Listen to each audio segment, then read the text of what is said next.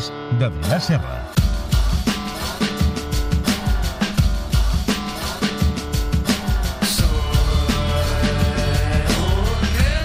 Que no va pel Madrid. No, hosti, no. Bona nit, Adrià arribo a Serra. saber, canvio el guió a última hora. Però... No, home, losers de la Copa, sí, una mica. Una mica. Escolta, Què anem aquesta setmana? em vaig trobar un amic la setmana passada i em va dir molt bé això, els losers i tal, però al final estàs parlant sempre de gent que ha estat a unes Olimpiades, que ha estat jugant a primera divisió... Un cert nivell tenen. Clar, diu, home, i a sobre tens els de llonces de dir-ho a una banqueta, no?, amb la panxeta aquí i tal, i té raó, té raó. Llavors avui el que he fet és buscar dos històries inspiradores per gent que, com nosaltres, diríem, no té les aptituds atlètiques Parla per tu. Bueno, d'acord, doncs parla com jo, que no té les aptituds atlètiques per jugar a primer nivell, però que això no els impedeix poder accedir als temples més grans del món de l'esport. Ah, a veure, va. Per exemple, pregunta. Coneixes a Bo Jackson? Saps qui és Bo Jackson? El Bolan Jackson, no. Bo Jackson és un dels grans esportistes de la història de l'esport. O sigui, Bé, igual, ara que em diguis el nom... la targeta. Quan em diguis el nom, Ah. potser sí, ara així... Per, per, per, Bo Jackson, conegut perquè uh, va jugar dos All-Stars d'esports diferents. És a dir, va ser seleccionat a un, all, a un All-Star Que m'amago del ridícul de que, que està fent. béisbol i a l'All-Star de futbol americà. És a Ah, dir, però són dos esports que jo no que no el tens controlat. domino. Vale, no passa res. Bo Jackson hi va arribar com a esportista professional, però hi ha un altre cas de persona que ha estat en dos All-Stars d'esports diferents i no era precisament un esportista, era un corredor d'assegurances. Com? Un corredor d'assegurances. Barry Bremen eh, va arribar a estar a la pista d'un All-Star de bàsquet i a la gespa d'un All-Star eh, de béisbol, però el van fotre fora patades. Què va passar? 4 de febrer del 79. Barry Bremen surt de casa, diu, vaig a jugar a fer unes cistelles. I, evidentment, les va fer. Les va fer amb Julius Irving, Moses Malone, Karim Abdul-Jabbar, perquè què va fer l'home?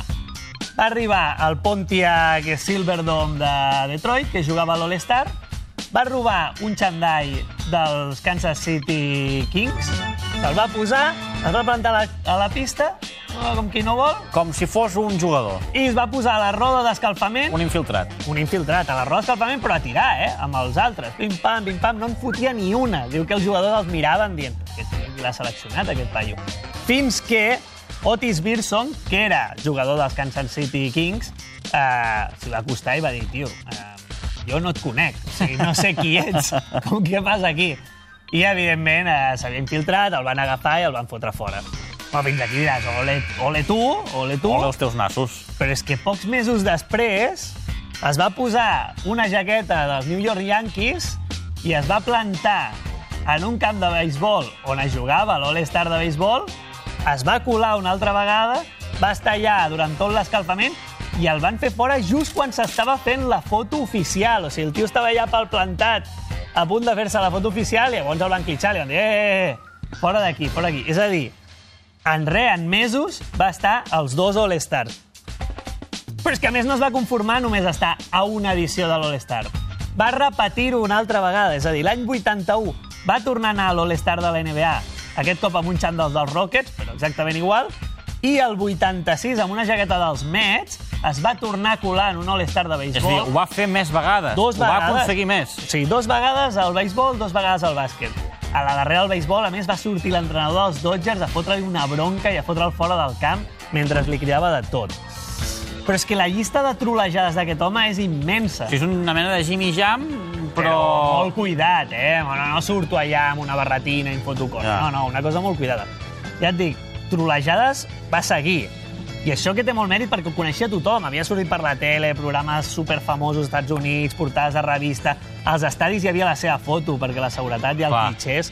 Però aquí, per exemple, any 80, es cola a les World Series de béisbol disfressat d'àrbitre Atenció, eh? World Series de béisbol, això és lo màxim als Estats Units. El tio disfressat d'àrbitre apareix allà amb tots els àrbitres, Hola, què tal? Bona es tarda. planta allà, boi, a l'últim moment el treuen fora. També es va colar aquell mateix any a la Super Bowl fent servir la mateixa tàctica. N'han disfressat d'àrbitre. Super Bowl, eh? I anys més tard ho va tornar a provar vestit de pollastre, concretament de la mascota del San Diego, però aquí el van trincar. No va arribar a accedir.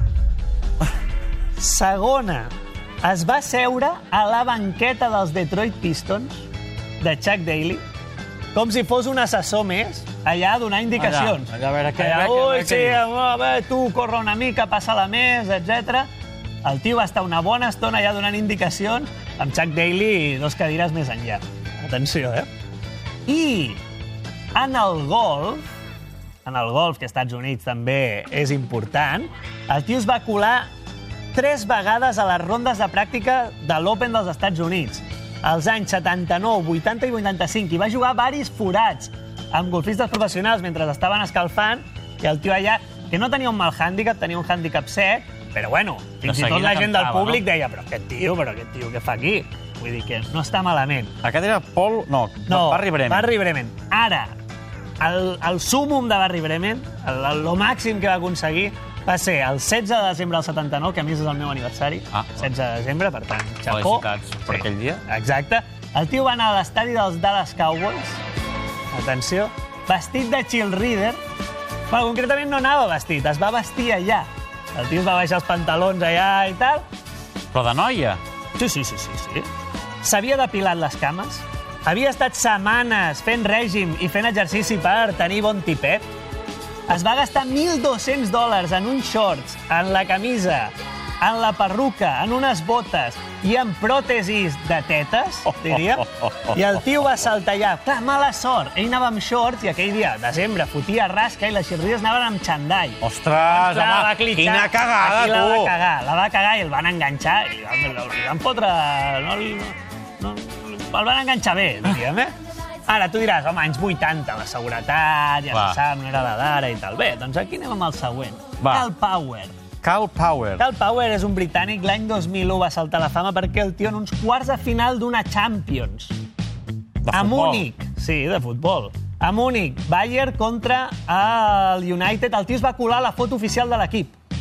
Aquesta foto existeix, a més a més, Aquesta eh? foto existeix. És el jugador que està més a l'esquerra de, la, de la imatge. Uh, foto oficial amb Bartet, amb Giggs, amb Neville, amb Scholes, i el tio allà plantat amb una samarreta d'Eric Cantona. Evidentment no va, no va sortir a jugar, només es va fer la foto. Però li va agafar el gustet i va fotre cinc colades més de... Però, però De super nivell. top. Es va colar una Anglaterra-Austràlia de críquet, que això és super nivell, i va sortir a, a batejar. El tio va sortir amb el casc, amb el bat, ja disposat a batejar, el van enganxar a l'últim moment. Va pujar a un podi del Gran Premi de Silverstone de Fórmula 1, vestit de Schumacher, de Schumacher del, del xino, eh? de Schumacher cutre, amb panxeta i tal. El tio va pujar allà, va saludar tothom i tal. Va sortir a la gespa de Wimbledon, atenció, quan Tim Henman havia de jugar un partit i es va posar a pilotejar amb ell com si fos a l'esparring, allò Home, per calentar. un crac, no? Això és supercrac. Hi ha un Itàlia-Anglaterra de rugby, també va sortir amb el 15 de la Rosa, i tot això ho va fer només entre els anys 2001 i 2002. És a dir, que el tio, un mega crac. Això sí, la última ja es va passar, Uh, va ser el 2003, en un United-Liverpool, el tio va sortir a la gespa uh, disfressat de Forlan, volia fer un, un gol que li havia ficat Forlan al Liverpool, i va saltar amb una tropa d'amics. És a dir, ja no va saltar sol, van, van saltar tota una tropa, Ja, aquí ja, el van ja, enganxar, ja, li van ja dir, prou, expulsat de per vida, i el pobre Cal Power ja no pot entrar, però escolteu, són un exemple per tots aquells que, evidentment, no arribarem a jugar No. ni a un gran premi a Fórmula 1, però, escolta, sempre pots tenir el teu, el teu lloc allà. Tus pinitos. Déu-n'hi-do, Adrià Serra, moltes gràcies.